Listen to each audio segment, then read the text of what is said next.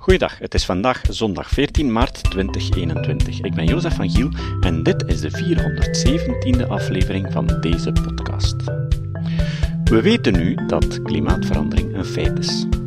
Dat wat het IPCC zegt niet gebouwd is op drijfzand, maar onderbouwd is met stevige wetenschappelijke feiten en mechanismen die we zeer goed begrijpen.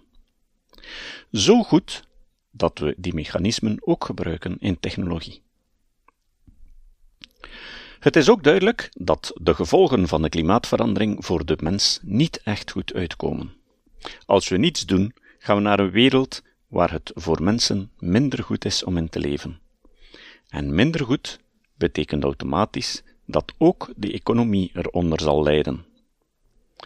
De vraag dringt zich dus op: kunnen we er nog iets aan doen? En wat kunnen we eraan doen? Wat met de industrie? Dus, even recapituleren. Om de uitstoot van broeikasgassen op aarde te verminderen, kunnen we verschillende zaken doen.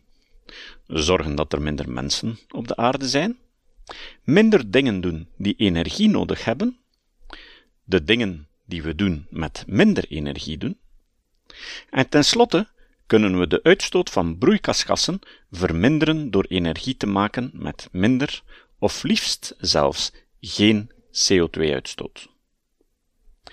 Maar niet alleen energie produceren die minder CO2 uitstoot, er zijn ook verschillende productieprocessen die CO2 uitstoten. En ook daarvoor moeten we een oplossing vinden. Staalproductie is daar een voorbeeld van. Bij de productie van staal worden hoogoven gevuld met voornamelijk koks en sinter. Koks is niets anders dan kolen die gedurende 18 uur in een koksoven op 1200 graden Celsius verhit werden.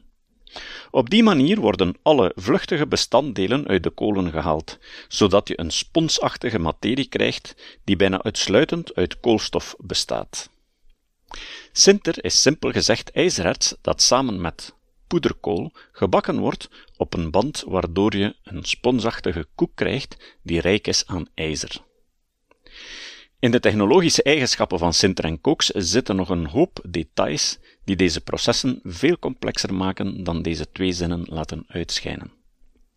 De koks en de sinter gaan in afwisselende lagen in de hoogoven en onderaan wordt er hete lucht ingeblazen, waardoor de koolstof in de koks verbrandt tot koolstofmonoxide. CO. CO is zeer reactief bij die hoge temperaturen en verbindt zich met de zuurstof van het ijzeroxide, dat in de sinter of het erts zit, om CO2 te vormen. Daarom ook dat de koks en sinter een stijve sponsachtige massa moet vormen, zodat er een groot contactoppervlak met het gas is, waardoor de chemische reactie met de vaste stof beter verloopt. Op die manier wordt ijzeroxide uit ijzererts gereduceerd tot ruwijzer, een vloeibare massa ijzer met veel koolstof erin. Die loopt onderaan de hoogoven eruit. Daarna wordt in een converter met zuivere zuurstof het overtollige koolstof in het ruwijzer verbrand tot koolstofmonoxide, dat wordt opgevangen en naar een elektriciteitscentrale gevoerd, waar het verder verbrandt om elektriciteit te produceren. De kolen die in de staalindustrie ingezet worden, zijn dus geen brandstof, maar een grondstof. Hun eerste functie is niet om energie te produceren, maar wel als onderdeel van het chemische proces om ijzer te winnen uit het erts. Ik hoor je al denken. Maar waarom maken we nog staal uit ijzererts? Waarom recycleren we niet gewoon het oud ijzer? Staal is het meest gerecycleerde materiaal. Meer dan 90% van het oud ijzer wordt gerecycleerd. Het productieproces van nieuw staal kan zelfs niet zonder schroot. Schroot is voor de staalindustrie zo waardevol dat de prijs ervan enorm kan stijgen als gevolg van een tekort op de markt. Het hoogovenproces zal dus nog even noodzakelijk blijven. In de cementindustrie wordt kalksteen, calciumcarbonaat, of CaCO3, na een aantal stappen van vermalen, zuiveren en mengen, in een oven op 2000 graden omgezet naar calciumoxide, CaO. Zoals je uit deze twee chemische formules kan afleiden, komen er dan uit de kalksteen een koolstofatoom en twee zuurstofatomen vrij als CO2. Het calciumoxide wordt in volgende productiestappen verder gebonden met siliciumdioxide, zand, aluminiumoxide en ijzeroxide om het uiteindelijke cement te vormen.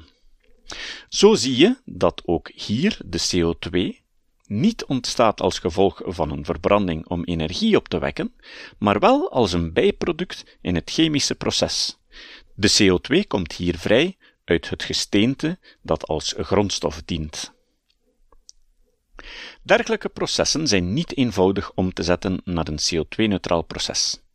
Als je calciumoxide wilt produceren, moet je de koolstof en de zuurstof die in de steen zit verwijderen en komt die vrij in de vorm van CO2. Eigenaardig genoeg spreken klimaatactivisten nooit van die problemen. En ik denk dat daar een reden voor is. We hebben dat beton en staal nogthans nodig om onder andere windmolens te maken. De enige manier om cementproductie klimaatneutraal te maken bestaat erin om de vrijgekomen CO2 opnieuw in de grond te duwen. In de technische wereld heet dat carbon capture and sequestration. En dat is de grootste nachtmerrie die je je kan inbeelden als milieuactivist. Stel je voor dat na enkele honderd jaar die CO2 ongecontroleerd weer vrijkomt in het milieu. Dan zijn de gevolgen niet te overzien. Ik was ook heel lang die mening toegedaan. Totdat ik vorig jaar een lezing volgde van Mark Sais, professor chemische technologie in Gent, die uitlegde dat wanneer je CO2 in deze holten perst, deze geleidelijk aan in de rots geabsorbeerd zal worden en na 2 tot 20 jaar, afhankelijk van het gesteente, er geen ongebonden CO2 meer voorkomt in de bodem. Het kan dan ook niet meer ontsnappen. Het feit dat deze technologie bestaat is geen vrijgeleide om dan toch maar vlotjes fossiele brandstoffen te blijven verbranden. Het is wel een manier om bepaalde industrieën sneller klimaatneutraal te krijgen in afwachting dat we alternatieve methoden vinden om bijvoorbeeld cement te produceren. Er zijn zo nog mogelijkheden. Zo bestaat er het Fischer-Tropsch-proces, waar men bij hoge temperatuur koolstofmonoxide en waterstof kan omzetten in langere koolstofketens. Tijdens de Tweede Wereldoorlog gebruikten de Duitsers dat proces om van kolen benzine te maken voor hun tanks, omdat de import van olie uit olieproducerende landen opdroogde. Ook Zuid-Afrika deed dat tijdens de isolatie als gevolg van de apartheid. Met handig gebruik van katalysatoren, dat zijn materialen en stoffen die een chemisch proces versnellen, kan je op die manier zelfs CO2 gebruiken om organische moleculen te produceren. Maar dat proces kan je ook gebruiken om de CO2 uit een productieproces om te zetten in andere nuttige stoffen. Het spreekt voor zich dat deze processen meer energie kosten dan wat je zou kunnen produceren als je die organische moleculen zou verbranden. Anders zou je een perpetuum mobile hebben. En jullie weten sinds aflevering 72 dat dat onmogelijk is. Er zijn nu al proefinstallaties, onder andere in verschillende staalbedrijven, waar dat op industriële schaal wordt uitgetest. In ArcelorMittal in Gent wordt een industriële test gedaan waarbij de CO2 aan bacteriën wordt gegeven die daar ethanol van maken. Die ethanol kan dan verder gebruikt worden om andere koolstofketens te maken. Deze koolstofketens kan je bijvoorbeeld als een synthetische brandstof gebruiken in processen waar je moeilijk anders kan werken. In een ideale wereld zou je dan die koolstofketens kunnen gebruiken om in de hoogoven de koolstof te leveren die noodzakelijk is om het ijzer opnieuw te reduceren. Maar op dit moment is het interessanter om het aan de chemische industrie als grondstof te verkopen. Aan de Universiteit van Gent is er zelfs een onderzoek lopende om deze stoffen om te zetten in dierenvoeding. Het is ook mogelijk om staal te reduceren met waterstof in plaats van koolstof. Ook dat proces is in volle ontwikkeling. Er zijn nog geen industriële installaties die dat doen, omdat waterstof alsnog vrij duur is. Het gevolg daarvan is dan ook dat er op dit moment geen ervaring is met dat te doen op een industriële schaal. Maar veel staalbedrijven zijn al volop bezig met waterstof te injecteren in hoogovens om minder koolstofhoudende grondstoffen te moeten gebruiken en zo de CO2-uitstoot te verminderen. Ik hoor je je afvragen waarom waterstof zo duur is. Er is toch voldoende water waar je dat uit kan halen? Ja, dat klopt. Maar het vraagt heel veel energie om water te splitsen in waterstof en zuurstof. Dat gebeurt door elektrolyse. Het is een vrij eenvoudig proces dat je thuis kan proberen. Mijn broer en ik deden dat al in onze slaapkamer toen we 14 en 12 jaar waren. Als volgt. Vul een potje met water. Doe er een beetje zwavelzuur in om de geleidbaarheid te verbeteren. Steek twee elektrische draden met één gestripte kant in het potje. Neem twee bokaaltjes die in het potje passen. Vul die helemaal met water en zet ze ondersteboven in het potje zonder dat het water erin loopt, zodat ze nog helemaal gevuld zijn met water. Door de luchtdruk zouden ze tot boven gevuld moeten blijven. Verbind de andere kant van de draadjes aan elke pool van een batterij. Je zal zien dat er aan het uiteinde van de draadjes gasballetjes ontstaan. Aan de negatieve kant, de kathode, zal waterstof ontstaan en aan de positieve kant, de anode, ontstaat zuurstof. De batterij zal de elektronen die de zuurstofatomen van de waterstofatomen had gepikt, aan de pluskant wegnemen, waardoor de zuurstofatomen een ander zuurstofatoom zullen zoeken om mee te binden tot zuurstofgas. De waterstofatomen, die geen elektron hebben, in de chemie noemt men dat positief geladen ionen, zullen door de negatief geladen elektrische draad aangetrokken worden waar ze een elektron terugkrijgen en zo samen met een ander waterstofatoom waterstofgas H2 zullen vormen. Als je de twee bokaaltjes goed geplaatst hebt, zullen die gasbelletjes mooi in de bokalen stijgen en aan de bovenkant het water verdringen. Je zal zien dat het water in het bokaal boven de negatieve pool, de kathode, dubbel zo snel zal zakken als die van de anode. Dat is zo omdat er dubbel zoveel waterstofmoleculen gevormd worden als zuurstofmoleculen. En volgens de gaswet neemt een bepaalde hoeveelheid moleculen van gelijk welk gas steeds evenveel volume in bij dezelfde druk en temperatuur. Er ontstaan dubbel zoveel waterstofmoleculen dan zuurstofmoleculen, omdat water bestaat uit twee atomen waterstof en één atoom zuurstof. Twee watermoleculen vormen dus twee waterstofmoleculen en één zuurstofmolecule. Als het potje aan de kant van de kathode geen water meer bevat en dus gevuld is met waterstof, kan je die voorzichtig opheffen terwijl dat ze ondersteboven blijft staan, en dan een lucifer eronder houden, en dan ga je zien dat er een kleine blauwe vonk ontstaat, met een knalletje. Vandaar dat waterstof ook knalgas genoemd wordt. Als je dit proces optimaliseert, kan je op dit moment een rendement halen van zo'n 50%. Dat betekent dat de helft van de elektrische energie die je erin stopt verloren gaat onder de vorm van water of onbedoelde bijproducten. Waterstof kan ook gemaakt worden door methanol te kraken. Maar dan ben je niet klimaatneutraal, omdat de koolstof uit CH4 die overblijft in de vorm van CO2 wordt afgescheiden. Op dat moment is het beter om het methaan direct in de hoogoven te injecteren. En dat wordt ook gedaan. Een derde manier om aan waterstof te komen is als bijproduct van de chemische industrie. Maar die hoeveelheden zijn erg beperkt. Vroeger werd dat waterstof afgefakkeld, maar tegenwoordig wordt het gebruikt voor allerlei andere processen. Waterstof produceren vraagt dus heel veel energie, om alle energie te produceren die nodig is om het waterstof te kunnen leveren aan ArcelorMittal in Gent en alle koolstof te vervangen, heb je twee kerncentrales nodig, zo groot als doel 4.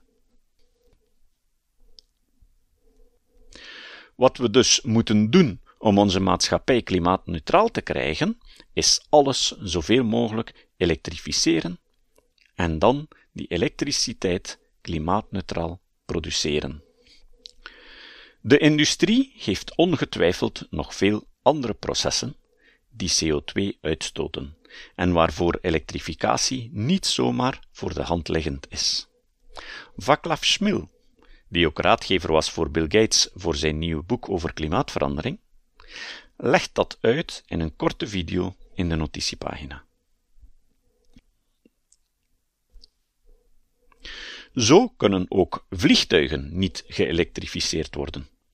Een straalmotor produceert stuwkracht door materiaal achteraan het vliegtuig weg te blazen.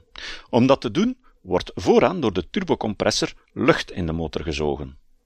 In het motorcompartiment wordt daar brandstof aan toegevoegd die ontsteekt, waardoor het gas in dat compartiment uitzet en via de uitlaat achteraan wordt uitgestoten. De impuls die aan dat materiaal gegeven wordt, is gelijk aan de impuls die het vliegtuig krijgt in de tegenstelde richting, volgens de wet van Newton, behoud van impuls. Dat kan je niet met een elektrische motor die op batterijen werkt. Bovendien zou een batterij die de nodige energie voor een vliegtuig kan stockeren, zo zwaar zijn dat het vliegtuig niet meer in de lucht geraakt. Op een of andere manier zullen we hier dus nog brandstof nodig hebben. Waterstof zou een optie kunnen zijn. Maar het probleem is dat waterstof moeilijk comprimeerbaar is om mee te nemen in een vliegtuig. Daarom zal het nodig zijn om toch koolwaterstoffen te maken, synthetische brandstoffen die dan gebruikt kunnen worden in vliegtuigen. Bijvoorbeeld synthetische brandstoffen zoals deze die ik daarnet besprak. Om een dergelijk proces klimaatneutraal te krijgen, zou je dit kunnen combineren met technologie om CO2 uit de lucht te halen en de luchtvaartsector belasten om decarbonisatie van de lucht te financieren. Dat is niet ondenkbaar. Deze technologie bestaat en is minder duur dan men aanvankelijk dacht. Het kan nu al voor een kostprijs van 80 tot 200 euro per ton. Het moet alleen nog opgeschaald worden. Maar denk eraan, CO2 uit de lucht halen kost energie. En die energie zal CO2-arm geproduceerd moeten worden. Anders riskeer je dat je het probleem alleen maar erger maakt en meer CO2 in de lucht brengt met dat proces dan je eruit haalt. Daarna kan je die CO2 opnieuw gebruiken om synthetische brandstof te maken, waarmee je opnieuw de processen die de decarbonisatie van de lucht financierden, kan voorzien van brandstof. Zo krijg je een circulair model. Sommige mensen denken ook dat deze synthetische brandstoffen nog een hele tijd in het wegtransport zullen nodig zijn. Batterijen zijn namelijk erg zwaar en het duurt heel lang om een auto op te laden. Reken maar even mee. Een gemiddelde elektrische personenwagen heeft een batterij van 80 kWh, waarmee je zo'n 300 tot 400 kilometer ver kan rijden. Als je die in één uur wilt opladen, wat in sommige snellaadstations mogelijk is, heb je een vermogen van 80 kilowatt nodig. Dat is evenveel als 100 waterkokers tegelijkertijd aanzetten. Hoe lang zou het duren om de benzinetank van een dieselwagen, waar je dubbel zo ver mee kan rijden, vol te tanken? Een minuut? Oké, laten we nog eens rekenen. Een liter benzine bevat ongeveer 10 kilowattuur aan energie. Een dieseltank van 50 liter bevat dus 500 kilowattuur aan energie. Zes keer meer dan een autobatterij. Je vult de tank in 1 minuut, dus 1 zestigste van een uur. Het laadvermogen van een dieseltank aan het tankstation is dus 500 kilowattuur gedeeld door 1 zestigste uur of 30.000 kilowatt of 30 megawatt. Dat is een vermogen dat je in de vorm van elektriciteit nooit in de buurt van jouw auto en zeker niet van jouw kinderen op een openbare parking wilt zien. Bij een personenwagen kunnen we er nog mee leven dat je een uur moet wachten tot die opgeladen is. Ondertussen een koffie drinken, benen strekken, om weer fit te zijn voor de rest van de reis. Maar een vrachtwagen moet rijden. Die kan je niet laten wachten. Wachttijd kost geld. Veel ecologisten dromen ook van de groene meter die ervoor zorgt dat je elektriciteit verbruikt wanneer deze goedkoop is omdat er overschot is. Ze hopen dat we op die manier ervoor kunnen zorgen dat de elektriciteit verbruikt wordt wanneer de wind waait en de zon schijnt. Maar het is een illusie. Dat systeem kan in zekere mate werken, maar zeer beperkt. Wie denkt dat we dankzij dergelijke werkwijzen ons volledig elektriciteitsnet kunnen doen draaien op windenergie en zonne-energie, heeft nog nooit de berekening, of beter een simulatie van zo'n model gedaan op basis van echte historische weersgegevens. De aanhangers van dit model denken dat ze de verschillen die dan nog overblijven kunnen compenseren door de batterijen van de elektrische wagens intelligent te gebruiken en ze als elektriciteitsopslag voor het huishouden kunnen gebruiken door de autobatterij op te laden bij overschotten en te ontladen bij tekorten. Om te beginnen wordt de levensduur van een batterij bepaald door het aantal laad- en ontlaadcycli. Op die manier zal je dus de levensduur van de batterij sterk verminderen. Maar ongetwijfeld zullen toekomstige ontwikkelingen het aantal cycli van een batterij verder verbeteren. Maar in werkelijkheid zullen mensen hun elektrische wagen overdag gebruiken en s'nachts opladen. Dus, als er geen zon is. En dat s'nachts opladen is niet zomaar ergens op een kort moment, s'nachts, wanneer er even overschot aan stroom is, doordat het hard waait en de bedrijven stilgaan. Nee, het is een groot deel van de nacht. Zoals gezegd heeft een autobatterij een capaciteit van zo'n 80 kilowattuur aan energie. De batterijlader die ingebouwd zit in je wagen en waarmee je hem dagelijks thuis oplaadt, heeft een vermogen van 11 kilowatt.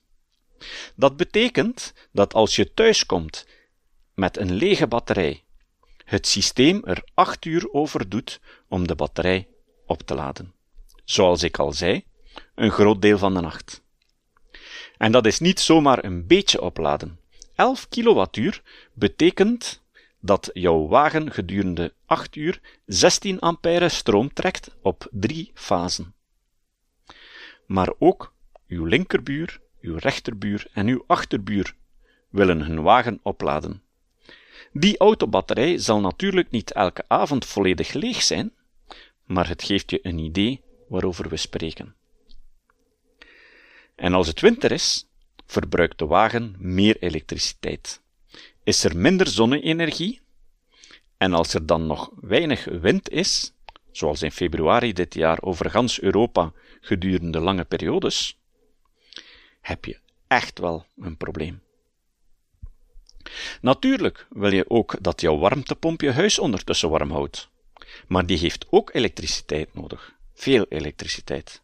Vooral in de winter, wanneer de zon niet schijnt en op die ijskoude, heldere dagen zonder wind. Begrijp me niet verkeerd. Ik ben voorstander van warmtepompen. Ze zijn veel zuiniger en klimaatvriendelijker dan andere manieren om je huis te verwarmen. Ik ben voorstander van een slimme elektriciteitsmeter die beslist om je wasmachine en andere toestellen te doen draaien wanneer er overschot op het net zit. Dat is goed voor de portemonnee en het helpt om zware pieken op het net af te vlakken. En ik heb eind vorig jaar mijn elektrische auto besteld. Als we onze maatschappij willen decarboniseren, zullen we heel veel processen moeten elektrificeren.